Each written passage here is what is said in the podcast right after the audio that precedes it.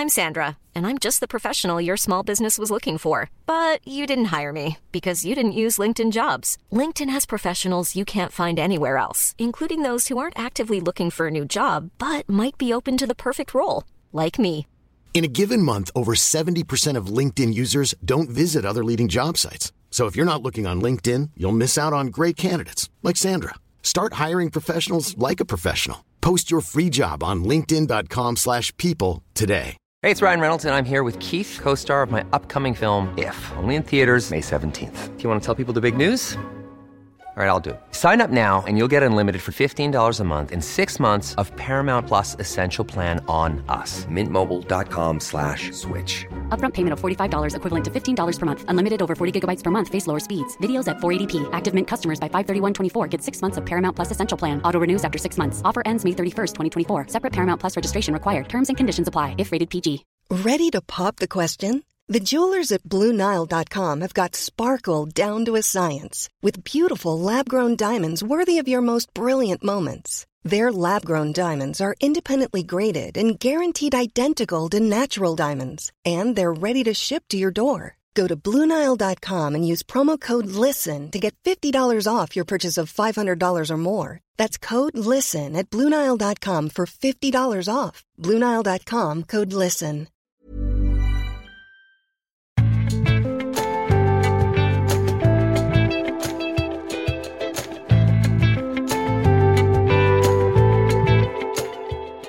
Ernas krise, transkrig og blir frikirkene mer liberale? Dette er Tore og Tarjei.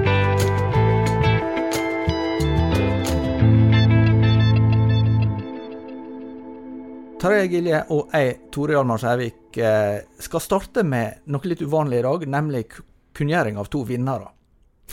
ja, det er sant. Det er gøy. I eh, de foregående episodene, ikke forrige gang, men eh, to ganger før, så har vi eh, bedt om litt innspill på veien videre, i og med at vi runder 250 episoder. Og det er det flere som har gitt oss. Det er veldig kjekt. Det setter vi pris på. Og to av dem har rett og slett blitt trukket ut til å få et halvt års abonnement på dagen. Og det er, skal vi se, nå finner vi fram navnet her, Kristian Nesbru Vatne. Og så er det ei som heter eh, Anne Line Gjerstad. Tenk det. De to eh, kan Ja, de, vi skal sende en mail, men, men de får altså et halvt års abonnement, så de får gjøre det de vil med. Del med andre, eller bruke det sjøl. ja. ja da, det er bra. Det er bra. Så går vi videre, og det gjelder og- Men det er bare å fortsette å sende tips hvis en skulle Mm, ha det. Så, så det er vi veldig mottakelige for. Eh, vi har fått forslag om å intervjue Jonas Gahr Støre. Vi har fått forslag om å snakke mer om misjon. Vi har fått forslag om å eh, eh, intervjue ungdomspolitikere. Så, så det er kommet flere interessante innspill, som vi sikkert kommer tilbake igjen til. Vi vet ikke om Støre stiller, men en som antagelig ikke stiller på kort varsel, det er Erna Solberg. Ja, det kan vel tenkes.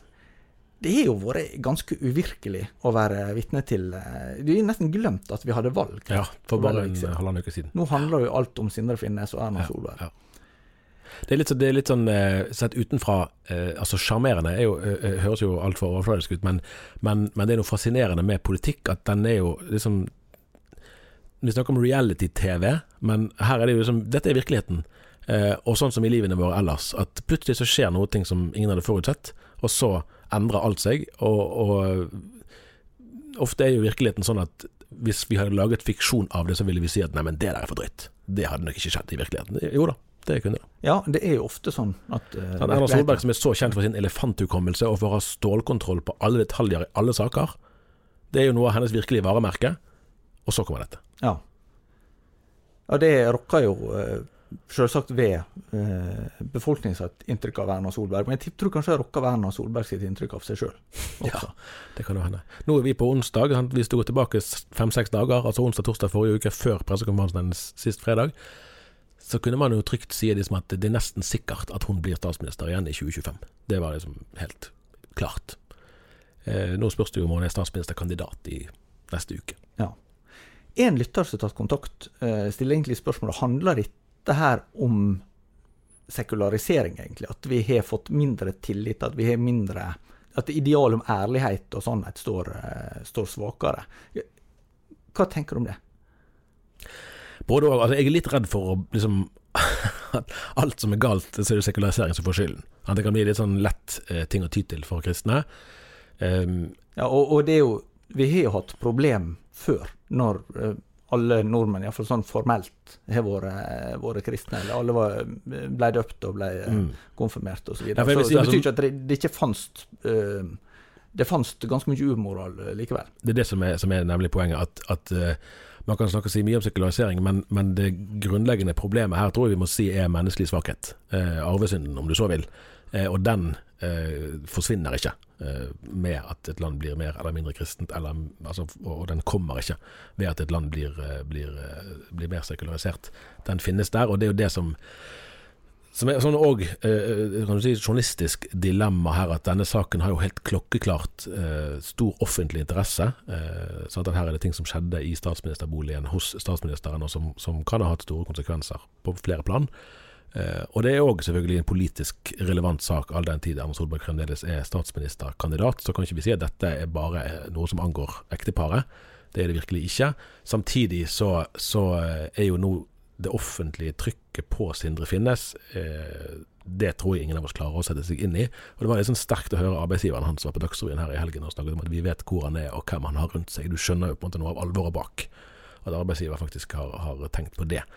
Eh, og hvordan skal man da, i et moderne informasjonssamfunn sånn der ting går veldig fort, hvordan skal man forholde seg til at det er et, et helt legitimt informasjonsbehov, samtidig som her er det òg en tragedie. Vi trenger ikke å drive og diagnostisere noe, sant? men her er det jo virkelig, virkelig et personlig eh, altså fall eh, som, som eh, rammer veldig hardt. Og så skal vi stå utenfor og, og se på det. og hvordan skal, hvordan skal man opptre der, egentlig? Jeg sitter og kikker opp i bokhylla på kontoret her, og der står det ei bok som heter 'Unapologetic', eh, av en eh, britisk forfatter som eh, heter Francis Bufford. Og han skriver om hvordan kristendommen til tross for alt mulig, fortsatt gir god eh, følelsesmessig eh, mening. Og, og, og, litt av det som jeg syns er fascinerende, at det er en veldig utypisk bok for han kristen troforsvar. Eh, men det han innleder med at han har en datter som er seks år gammel, eh, det er ikke så lenge til at hun kommer til å få høre på den ene sida at kristne de er dobbeltmoralske hyklere som er, er, lever helt annerledes enn de lærer, osv. På andre sida kommer hun til å få høre at kristne er, er klar til å tilgi hvem som helst, for de springer til med nåde, samme hva noen har gjort, for at de vil ikke la noe ha konsekvenser. Eh, og så snakker vi litt om det i forkant. Hva kan vi si om, om dette fra et kristent perspektiv? Eh, for det sier jo ganske mye om det som handler om ansvar, om skyld, om tilgivelse, om tillit. Er det sånn at det, det blir litt sånn rart å, å, å tematisere det her, eller, eller har vi noe å bidra Jeg vil si to, to, helt ulike ting om det. For det første, at, at når jeg studerte sammenlignende politikk eh, for mange år siden, så, så har jeg tenkt på etterpå da, at da var det i flere omganger at, eh, at vi studerte hvordan kamp mot korrupsjon var Eh, et sentralt valgkamptema i mange land i verden. Og det virket så fjernt. For det, det, er jo ingen norske politikere som har gått til valg mot korrupsjon. For det tenker vi at det, det er ikke så aktuelt eh, i Norge. Og så skal vi skal ikke si at, dette, at her har skjedd korrupsjon, det er ikke poenget. Men mer denne erkjennelsen av at òg politikere eh, kan, kan, utøve sine roller på en dårlig måte. Det har blitt veldig tydelig eh, i sommer. Sånn at det, den virkeligheten er nok mer nær oss enn, vi, enn, vi, kanskje har trodd. ja, for, for, for, Jeg kan ikke huske at det har vært så mye på én gang. Nei, nei. Altså, Skandaler har vi hatt før. Men, men at så mye fra så forskjellige partier, ja, ja. posisjon og det, det, kan man jo analysere lenge og vel hva som ligger bak det, om det er profesjonalisering av rollen, eller i hvilken grad liksom, den nye offentligheten gjør at, at, ting som tidligere forble privat, nå blir, blir offentlig. Eh, det kan være mange, mange, sider eh, ved det, men at den, den realiteten er der, det, det må vi ta inn over oss og ta på alvor. Men så, så fra nesten motsatt ståsted, sånn at uh, nå i forgårs tok jeg av uh, varslinger på det som før het Twitter, som nå heter X. Uh, og, det, og, det, var litt fordi at der, der ser du noe av den nådeløsheten da, utspille seg. Der, der, for der er ikke noe presseetikk. Sant? Der kan man være ganske fri med å si det man vil. Og jeg ser hvordan, hvordan der blir virkelig Sindre Finnes fordømt uh, hos ja. en hel del. Uh, og det er ikke noe forsøk på å være sjenerøs eller på å være velvillig eller på å forstå. Det som virkelig sterke karakteristikker sitter løst. Uh, og det der er et, et fundamentalt ukristelig samtaleklima. Da. Ikke det at hele X, som det heter, er, er sånn, men det ble liksom såpass mye av det. Dette, dette er ikke til hjelp, syns jeg. da. Ja, altså, og så tror jeg at det ligger noe der som som er eh, relevant med, med, tanke på dette her, eh, som du har vært inne på tidligere, at det er større avstand mellom politikere, eller valgte og velgere. At det kan gjøre at en fra politikerhold kan eh, kanskje miste litt kontakt med, med, hvordan hverdagen er for de som, som stemmer på, på partiene. Og det også kan kanskje gjør at folk som sitter i maktposisjoner, tenker det gjelder regler, men de, de gjelder ikke for meg. Det, det er sånn klassisk ja, da, kritikk. Det, det, kommer til å skje igjen. Men eh, jeg, jeg, tenker på, på, et annet plan også, at når det gjelder hele debatter rundt sånne ting, så blir det man preget av at det er helt annerledes å uttrykke noe i et kommentarfelt, eh, eller på Twitter eller X, eh, enn det er å si det ansikt til ansikt til et menneske. Ja, ja. Og, og, jeg tror at den eh, En av de tingene som vi har kanskje mista. På ene sida så kan du si at politikerne våre er nærmere oss enn noen gang. Går vi på fornavn med dem, og, og, og, det er mange deler selfier forskjellig med dem. Men samtidig så Og, og en kan si at ja, norsk samfunn er blitt mye mer mangfoldig. Man forholder seg til at folk tenker og lever og tror mer forskjellig enn måtte før. Men det er vel kanskje også en tendens til at det, vi er mindre integrert i et lokalsamfunn, og mindre i, i mindre grad lever tett på eh, hverandre. Eh, det er jo en av de tingene som jeg tror har vært ganske viktig i norsk kultur, at det har vært eh, en sterkere fellesskapsfølelse. Og, og, jeg lurer på om noe av disse, er problemene, hvis en ser ikke nødvendigvis da på den ene saka her, men noen av de sakene som har vært oppe nå de siste månedene, det, det er at en, en får en følelse at vi, vi har ikke samme grad av identifikasjon eller følelse av å være eh, avhengige av hverandre. da. Men at en eh, egeninteresse får, større plass. Mm.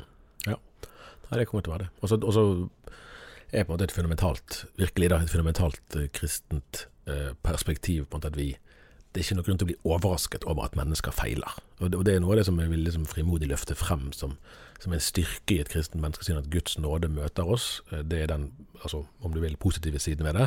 Og så er den baksiden av det det, det, handler om at vår, det trenger vi i vår feilbarlighet. Det er en, en Altså, vi, vi, bedrar oss sjøl hvis vi lager sånne helgenbilder av ledere og tenker at de skal ha styr på alt, for sånn har det aldri vært. Vi går videre fra ei temperert sak til ei anna. Jeg så en journalist eller redaktør i New York Times sa, at eh, av og til så vil hun gjerne skrive om et litt mindre kontroversielt tema, som f.eks. abort eller Midtøsten, for å slippe å skrive om kjønnstematikk. det var en talende setning. Ja. For, for det som handler om eh, kjønn, seksualitet, identitet, er jo blitt, eh, må en kunne si, ganske betent. Ja. Ja, det, er vel, det, er vel, rimelig å si at det er såpass betent at det egentlig vi kan være rimelig sikre på at det er en god del ytringer som aldri kommer, fordi man, man bare ser for seg at hvis jeg sier dette, så blir det bare styr. Det gidder jeg ikke. Og Sånn sett så er det ganske overraskende noe som eh, er skjedd i Sverige. Det er jo et land som er regna som å være blant de ja, mest liberale og sekulære mm, mm. I, uh, i, verden. Men likevel har nå SVT i to omganger, egentlig Som er altså Sverige, NRK ja. sin tilsvarende kanal i Sverige. Ja. Stemmer. Eh, de har laga først i 2019 en eh, to eh, dokumentarer som heter Transtoget 1 og 2. og Det handler om unge mennesker med kjønnsdysfori, altså manglende samsvar mellom biologisk kjønn og opplevd kjønn, og deres prosess etter å ha fått hormonbehandling og kirurg, kirurgisk behandling. Eh, også enkelte som var med der. Og eh, nå har de kommet med en oppfølger eh, nylig som heter Transkriget, der også en av Sveriges mest kjente transpersoner står fram og er eh, meget opprørt over eh, behandlinga som eh, vedkommende har fått i, eh, i, svensk helsevesen. Og det har vært skrevet og sagt veldig mye om dette her. I også Norge, der, der dette selvsagt er en, en tematikk. Og så er det vanskelig å se det løsrevet fra en Det er jo noe som kommer fram i den siste dokumentaren også, at det er en ny forståelse av kjønn som legger mer vekt på det opplevde og mindre vekt på det biologiske, har, fått større plass. Eh, og så opplever jeg at dette her eh, går jo her som fundamentalt på å forstå hva er et menneske, og, og, og hvordan skal vi, skal vi, leve sammen. Og Samtidig så, så er det ganske interessant at, at det, det har F.eks. i de som, som leser Dagen, da, så, så, så merker jeg at dette er en te tematikk som, som engasjerer ganske sterkt. Ja. Og at, det- at det, det er saker som, som blir eh, lest og, og um, kommentert mye. Og, og så lurer jeg litt på hva Hvordan fortolker vi det? At dette har så, så sterke Mm. Ja, sterke sterk, Utløser så sterkt engasjement. Jeg tror i hvert fall ett eh, et kanskje overraskende perspektiv, men som likevel er interessant, er jo altså den britiske historikeren Tom Holland, som er veldig anerkjent. At, som vel, jeg har ikke så veldig innsikt i hans personlige tro. Nei, han, liksom... han avskrev nok kristentroa som ungdom. Altså en, jeg tror han, han er en positivt innstilt agnostiker. Ja, det er sånn jeg oppfatter han egentlig. Han har skrevet, eh, særlig denne boken som heter Dominion, men han har skrevet, altså, ytret seg på flere, flere plattformer om den kristne tros betydning som eh, samfunnskraft, da, eh, særlig kanskje i våre vestlige samfunn, i, i, over lang, lang tid. Han var hos, eh, hos Åpne dører i England i ja, nå er vi 2023, dette tror jeg kanskje var til 2021, muligens 2020. Eh, og da trakk han frem som et perspektiv i et foredrag som i og for seg handlet om mange andre ting, men, men eh, at eh, for, de, for transgruppen er jo på en måte en minoritet i en minoritet. Altså, altså de som er homofile er en minoritet, og så er transpersonene en slags minoritet innenfor der igjen. Eh, og at, at det er eh, et dypt tegn på et kristent samfunn at man ønsker å ta vare på. For det et mer brutalt samfunn kunne jo si at disse skyver vi vekk. De får klare seg sjøl, vi vil ikke ha dem. Eh. Og I mange samfunn i verden vil jo det være måte, minoritetenes skjebner, i, i mange forskjellige situasjoner. Sant? Men at, at her er på en måte samfunnets tilnærming på mange måter det motsatte. Eh, vi skal ta vare på disse her, vi skal se hva vi kan gjøre for å hjelpe dem og støtte dem der, der vi kan. Og så, og så kan man jo si at spørsmålet heller er hvor langt skal vi gå som samfunn i å legge til rette. F.eks. hvis vi sier at alle Altså eksempel dette her er problematikken eh, knyttet til eh, kjønnspronomen. Sant? Skal alle eh, Skal vi oppheve eh, altså det binære i at det er hun og han, av hensyn til disse? Det betyr jo at de fleste av oss er jo identifiserer oss trygt som hun eller han, men, men, eh, og, og vil jo si at det, det er fremmedgjørende for alle, hvis vi skal annullere det. Men hvor langt skal vi da gå i å ta hensyn til minoriteten? Norge innførte jo vel det som er et av de mest liberale lovene når det gjelder eh, juridisk kjønn i 2016. Mm. Og jeg, jeg skrev om det nå rett før nyttår. Da var det ifølge SSB eller var det Skattedirektoratet, så, så er det rundt 2000 nordmenn da, eh, fram til 2022 som hadde benytta seg av den eh, muligheten. Så det er jo Og da kan jeg tenke at det har vært en viss sånn over um, At det, det har vært en del som har vært klar for å ta det valget når det muligheten kom. da. Uh, så, men så, så ser en jo at det, ikke minst blant tenåringsjenter, så har det vært en ganske sånn sterkt veksende tendens at flere opplever eh, kjønnsdysfori. Ja, det var en veldig Altså A-magasinet, det er interessant. Det har vært flere altså, anerkjente store medier som har skrevet om det. Ahmed- A-magasinet i Aftenposten hadde en sak for kanskje en liten måneds tid siden om at i 70-80 og vel ut i 90-årene så lurer på om det var sånn størrelsesorden fem eller seks i året som søkte kjønnskorrigerende eller kjønnsbekreftende eh, behandling. Det kommer an på hva man skal korrigere eller bekrefte. Eh, mens nå var det oppe i 500-600. Eh. Så det er en helt sånn kolossal eh, økning som, som man vel neppe kan forklare bare med at det har vært mørketall før, for å si det sånn. Ja, så, så her tror jeg at vi eh, En skal jo ikke være noen stor profet for å si at dette her eh, kommer til å være krevende tema i overskuelig framtid. I den grad framtida er overskuelig. Det er det jo ikke. Eh, Per definisjon. Nei. Sånn at, sånn at jeg, jeg, jeg tror at dette for Det handler om virkelighetsforståelse. Ja. Og det handler igjen forståelse om hva er et menneske. og og biolog, biologiprofessor Glenn Peter Sætre er, jo- er jo en av de som er markert seg. Han kom ut med en bok som heter 'To kjønn' Mm. eh, nylig. Ja, så det, det går ikke an å skifte kjønn. Mm. Altså det, det er biologisk gitt. Når en snakker om kjønnsidentitet, og sånn, så, er så er det snakk om noe annet. Det kan jeg diskutere med, men altså det er ikke eh, Kjønnet er på en måte ut fra en biologisk forståelse noe som, som er fastlagt, og som, som ikke kan endres. da. Det slo meg, det meg her at eh, altså, det er nesten ti år siden TV 2 hadde en serie som het 'Født i feil kropp'. Eh, og ikke så lenge, eller omtrent på samme tiden, så, så eh, skrev eh, tidligere helseminister KrF-leder Dagfinn Høybråten bok. Og, og der var han opptatt av den da lille, lille gruppen som ble kalt for transseksuelle, altså der det var uklart kjønn. Og var opptatt av at vi som samfunn måtte, måtte komme de i møte. Og jeg husker vi skrev på lederplass i dagen om det, at ja, altså akkurat som at mennesker kan bli født med alle mulige andre, altså hvilket ord skal vi bruke, uønskede helsetilstander, da. Eh, sant? Om det kan, det kan være helt fysisk, det med rygg eller bein eller armer eller hva det skulle være. Så kan dette òg være en side ved saken, og at dette er en, en gruppe som fortjener samfunnets støtte, og ikke utstøtelse. Eh, men da var ikke det politikk. På den, eller ideologi Nei. på den måten som det er her. Eh, og i dag spørs det om, om vi kunne ha skrevet det der. Eh, men det er interessant å tenke over hvordan på ganske kort tid da, så har det skiftet dramatisk eh, i virkelighetsbeskrivelsen. da. Ja, og dette blir jo også eh, vanskelig å løsrive fra forslag om eh, konverteringsterapi. Mm, mm. eh, fordi det handler også om kjønnsidentitet. Ja. Det handler ikke bare om, om legning. Og dermed så, så blir det også ytterligere komplisert å håndtere. Og hva, hva skal det, det bety? Sånn at jeg, jeg tror vi skal regne med at det er noe vi også kommer tilbake til her. da. Så får vi håpe at det blir en mest mulig fredelig samtale, sånn at man kan snakke om realiteter og minst mulig eh, høyrøstede. Det blir veldig fort eh, snakk om eh, hat. Ja.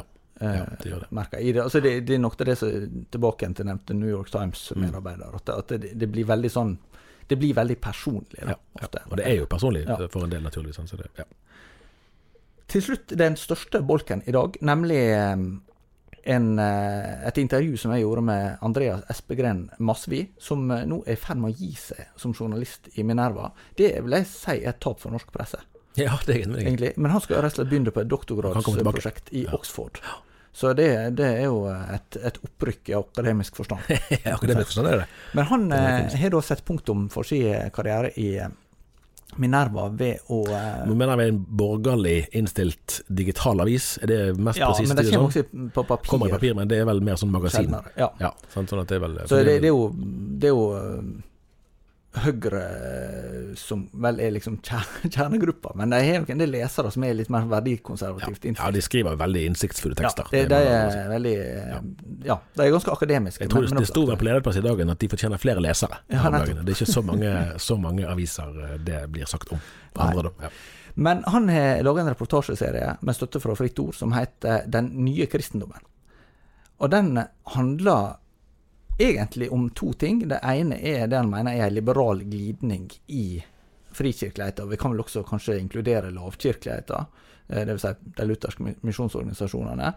Og samtidig en slags renessanse eller eh, auka interesse for katolsk kristendom, Mm. eh, som kunne bli oppfatta som veldig formkonservativ og, og også dogmatisk konservativ, men som virker til å ha en slags appell. Her tenkte vi egentlig å snakke om mest det første. Og eh, han har fire punkt da, som han eh, legger vekt på eh, når han skal forklare hva, han mener skjer. Og det er ei Ja, nå har, jeg har ikke det for hånda, men du Nei, har de fire punktene. Ja, ja. Altså, for, kan jeg bare først få si at, at dette er jo litt sånn veldig spennende, i hvert fall for oss, og forhåpentligvis for, for både avisens lesere og denne podkastens lyttere, på den måten at her Det er ikke så veldig mange som, som går inn i denne type tematikker med mer enn en personlig uh, inngang. Sant? Det er ikke i og for seg liksom, forskning, tror jeg, det som han legger til grunn. Altså, det, det er egne observasjoner men likevel uh, forsøksvis i, i mer kontekst enn den enkelte av oss gjør. Eh, for her, her er det veldig mye vi ikke vet. Det er det som er, som er poenget. Hvis man skal si at eh, frikirkeligheten blir mer eller mindre liberal, så kan du påstå det du vil. Eh, spørsmålet er på en måte hvordan vil du underbygge det, og det er det ikke så veldig mange som kan. Så derfor fire, fire utviklingstrekk som han mener er eh, i hvert fall noen av de viktigste, kanskje de viktigste. Det er et indre fravær av teologisk samtale. Én. To. Eh, De skeptiske blikkene utenfra. Tre. Møte med homofiles vonde erfaringer. Og fire. En sosiologisk moralterapeutisk deisme. Det var Ja. et vanskelig ord på slutten, det skal vi komme tilbake Men, til. men det viktige her å understreke at han ser eh, synet på samlivsspørsmål, og i særdeleshet likekjønna samliv, som en slags indikator på noe mye mer. Ja. Men, men han tenker likevel at det er en god indikator. Sant? Og det første, et indre fravær av teologisk samtale, det tror jeg jo er på mange måter en betraktning som vi ganske sånn uten videre kan kjenne igjen.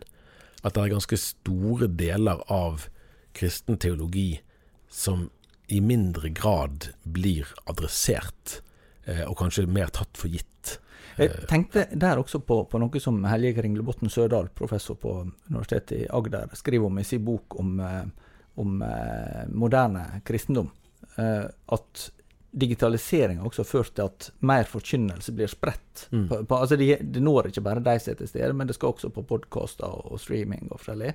Og at det kan gjøre noe med hva du er klar for å ta opp. En ting er hvis du vet akkurat hvem som hører hva du sier, og du kan se reaksjonen og på en måte kalibrere. Men hvis du skal, skal kringkastes, da, så er det noe annet. Så det, så det er punkt én. Ja. Jeg vil si at der, at der, eh, at der er for lite eh, samtale om teologi. Det tror jeg er riktig. Og det vil jo da kunne føre til at de som nå er i 20-årene og kanskje 30-årene og yngre, eh, hva, hva lærer de faktisk om måtte, grunnleggende kristen trosforståelse? Det tror jeg i hvert fall varierer en god del. Eh, Og, og, og der, jeg tror det er òg en, en sånn side ved saken at det er en del sånn, Kan vi kalle det for stridstrøtthet? Ja. At ikke minst kanskje de som er ledere i dag, og har med seg en bagasje fra både seg sjøl og kanskje fra tidligere ledere, der det har vært mye liksom, offentlig konflikt. Ja, og det, det, det vet de- vi jo ganske mye om som har her en stund. Ja. At, at det, det er jo En kan oppleve når en tar opp et tema og tenker nå skal vi sette foten ned, nå skal vi markere, men, men det, det går ikke mer enn en måned eller to, så sier folk ja, men vi vet ikke hva de står for i, i pinsebevegelsen lenger. Kanskje det kommer et klart signal. Ja. så, ja. Ja, ja. det var jo litt påfallende. Det, det de jo eh, opplevde Øystein Gjerme veldig tydelig her i vinter. Ja. Eh, for da hadde jo det vel, jeg, tror, jeg tror det er ganske få frikirkelige ledere som har gjort til kjent sitt syn på samlivsetikk oftere enn han.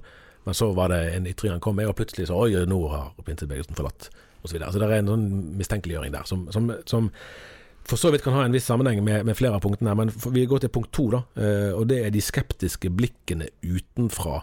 Og det tror jeg er noe som har forandret seg forholdsvis mye fra Altså Nå er du og meg i første halvdel av 40-årene. Når vi var tenåringer eller tidlig 20-årene, så opplever jeg at, at det fantes nok skeptiske blikk da òg, men at det var en mye større aksept for at kristne skal få lov til å være kristne. Ja, og så, sånn. så tror jeg kanskje at den grunnleggende endringa som jeg også har hørt fra, fra kristne ledere i andre land, det, det å gå fra å tenke at kristne har en moralsk standard som er for god, til å ha en som er for dårlig. det kan jeg si. Ja, for det er et poeng. Han, han belyser jo det i teksten òg, at her Altså konkret at, at liksom, synet på samlivsetikk blir, blir sett på som umoralsk. Nærmest det Noen snakker vel om liksom, at kristne er de nye rasistene i samfunnet. Det er jo å trekke det langt, da. Uh, og det er vel ikke så mange som ville sagt det, altså av de i samfunnet som angivelig blir kritisert, for å si det. Uh, men, men det sier likevel noe om en opplevd sånn fremmedhet uh, fra, fra utsiden. Og det er klart at det gjør jo noe med tror jeg de som i enhver minoritet, hvis du opplever at, at majoriteten faktisk liksom ser negativt på deg, så er det noe helt annet enn om de bare er likegyldige. Ja. Eh, Så er punkt tre i møte med homofiles eh, vonde erfaringer. Der har det jo skjedd et massivt skifte eh, i løpet av de siste par tiårene. Annet fordi at vi har fått høre enormt mange flere Ja. Altså, av det, de det er jo erfaringene. eh, til ettertanke, da. For eksempel så var det jo lenge en sånn offentlig hemmelighet at uh, Høyre-politiker Per Christian Foss var homofil. Mm. Det, det kom ikke fram som et offentlig tema før et stykke ut på 90-tallet, tror jeg. Det, Det var ikke mye seinere det, ja, da. det var kanskje enda seinere. Men, men uansett, altså, partnerskapslova Det er 30 år siden i år den ble innført. Mm. Og da husker jeg at det var liksom kontroversielt når, når TV 2 på denne serien Syv søstre hadde Mm. en homofil karakter. Det, for det var litt sånn nytt. Og, og nå er jo ingen som Ja, nå kan jeg nesten ikke lage en TV-serie uten at det er en av, ja, at det er en homofil historie med i det. så, så, Og det er jo også kommet nærmere, i den betydning at eh, alle eh, vil kjenne sjøl homofile, Mm. eller mennesker som eh, ja, som er i relativt nære relasjoner. da. Ja. Eh, og, og det gjør at det, den Og der, så, sånn sett er det viktig å si at, at jeg tror omtrent alle, og det tror ikke jeg er så veldig overdrevet det, alle eh, snakker annerledes om homofili nå enn før. Så alle har i en forstand blitt mer liberale, eh, i hvert fall i retorikken. da. Sånn at du hører omtrent ingen som snakker om Sodoma og Gomorra f.eks. Det kunne vært fint å høre før. Eh, og, og, liksom det, og den eh, liksom nærmest tilnærming til homofili som en sånn erkesynd, eh, vesentlig, vesentlig eh, redusert. Så det har skjedd mye. Eh, selv om, selv om selve grunn, altså standpunktet i teologien kan stå ved lag, at det, er mye rundt det som er forandret. Så er vi til det fjerde punktet, og det er jo det som er sånn teoretisk mest komplisert eh, å forklare, sånn, nemlig en sosiologisk, moralterapeutisk deisme. Ja. Men jeg lurer på om vi kan si det sånn at det, helt enkelt sagt, at det handler om noe som Magnus Malm, eh, den svenske forfatteren, beskriver om å leve som om Gud ikke finnes, altså som en ytre realitet. At det er mer en sånn til hjelp for meg i min hverdag. Ja, altså det, det er jo fem Jeg skal ikke ta alt punktvis her, men, det, er- det er en amerikansk sosiolog som heter Christian Smith, som har utarbeida en sånn liste over det han mener er liksom den, den trua som folk flest som har religiøs tru, i dag lever ut. Og Det handler annet om at alle er skapt av Gud, eh, målet i livet er å ha det bra, ta hensyn, eller ha et godt forhold til andre, og gode mennesker kommer til himmelen når de dør.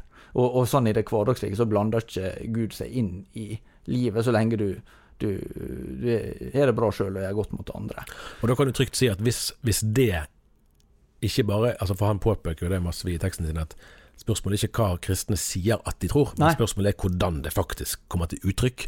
Og hvis, hvis, man, hvis dette er den troen som man i praksis lever med, så er ikke det vanskelig å forstå at det da f.eks. å skulle stå opp for et, et negativt syn på likekjønnet eh, ekteskap, det, det får man ikke noe særlig grunnlag for, for det vil jo oppleves veldig brutalt hvis man da ikke har en større liksom, teologisk rammeverk for å forstå hva er et ekteskap, hva er samliv, hva er mann og hva er kvinne. Eh, Sånn at der, der eh, Det går fint an å følge, følge resonnementet. Men så er jo spørsmålet, for påstanden til Masvi er jo at, at frikirker særlig da blir eh, har blitt mer liberale enn de sjøl erkjenner og kanskje er klar over. Og det lurer jeg veldig på. Der har jeg i neste runde da innhenta reaksjoner fra eh, ledere ja. i litt forskjellige frikirkelige eller lavkirkelige sammenhenger, bl.a. Erik Andreassen i Misjonsforbundet og Misjonskirken, ja. ja. Ja, Misjonskirken. Jeg henger igjen i gamle betegnelser. Eh, og eh, og eh, Roald Seifert, som er stipendiat på Høgskolen for ledelse og teologi, som, Som pinsevenner og Baptist, baptistene eh, ja. eh, driver. Og Knut Kåre Kirkholm på Fjellhaug, som Misjonssambandet er. Og så er det Andreas Nordli i Ungdom i oppdrag. Mm. Var litt mannsdominert. Jeg prøvde på noen kvinner med, men jeg fikk ikke napp. ja, Det er jo flest menn som er ledere i Ja. sammenhengen. Eh, men, men en av de tingene som Hvis jeg skal oppsummere det som jeg sitter igjen med å ta inntrykk av fra deg, det er at det, det er en sånn gjenkjennelse, bekreftelse, at, at Masvi treffer en slags nerve, og samtidig så tenker jeg at dette her er verdt å ta på alvor og la seg utfordre av. og Samtidig så er ikke dette hele bildet. Eh, og kanskje også at eh, eh, Sånn som Seifert er jo inne på at han, han er forska på, på holdninger blant eh, frikirkelige og lavkirkelige ungdommer, og ser vel at de er jevnt, og de som er mest engasjerte, er også ganske markant konservative. For det er på en måte han som jeg syns er den mest Altså Han er den som i hvert fall har, tror jeg, best grunnlag for å kunne uttale seg generelt. Eh, og han peker på det som nemlig for meg eh, ville vært den mest sånn iøynefallende trenden. Og det er nemlig at, at blant unge, særlig da, i disse frikirkesamfunnene, så er jo mitt inntrykk at de nesten går heller mer Altså i mer konservativ retning enn i mer liberal retning.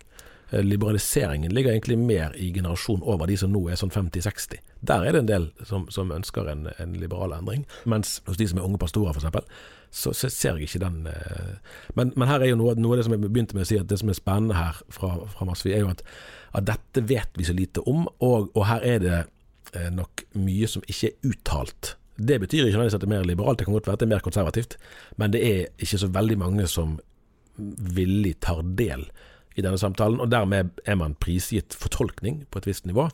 Eh, og da har vi eksempel, Nå hadde Baptistkirken Norge, som det skal hete fra, lands, fra nyttår av, hadde landsmøte, og inntrykket derfra er at av de 104 menighetene som er medlemmer, så er det bare et, et par. Der er, en- eller der er nok en del enkeltpersoner rundt i landet, men i det store og hele det, det er svært få menigheter som ønsker eh, en åpning for likekjønnet eh, samliv. Frikirken kanskje litt større muligens minoritet der òg, men, men de fremste talsmennene for eh, liberalisering er jo menn i 60-årene. Eh, men blant unge pastorer eh, Det er ikke inntrykk av at de rekrutterer eh, mer liberale. Og Roald Seifert beskriver jo til og med det så langt som å si at de han finner i frikirke- og lavkirkeligheten som ønsker eh, en liberalisering, det er de som har et minst aktivt forhold til Bibelen og er minst aktive i sammenhengene sjøl. Eh, og så ikke man, sånn, man kan ikke si at det er et én-til-én eller en korrelasjon, eh, årsak-virkning, mellom, mellom eh, de to. Altså at det nødvendigvis er de mest passive som er de mest liberale. Eh, men, men den tendensen til at det går mot liberalisering, er ikke uten videre. Eh, jeg er ikke uten videre med på den. Det var det vi rakk i dag. Og så eh, Nå så du litt eh, rart på meg. Nei, det, var- det, det er kanskje sånn det må være. Ja. Dette er jo en samtale som på ingen måte er ferdig.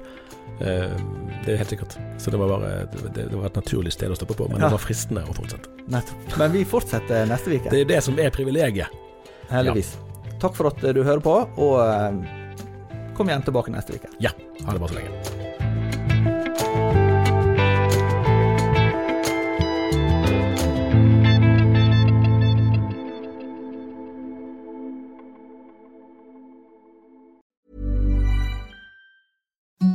The softest sheets you've ever felt. Now imagine them getting even softer over time. That's what you'll feel with Bowl and Branch's organic cotton sheets. In a recent customer survey, 96% replied that Bowl and Branch sheets get softer with every wash. Start getting your best night's sleep in these sheets that get softer and softer for years to come. Try their sheets with a 30-night guarantee. Plus, get 15% off your first order at bowlandbranch.com. Code BUTTERY. Exclusions apply. See site for details.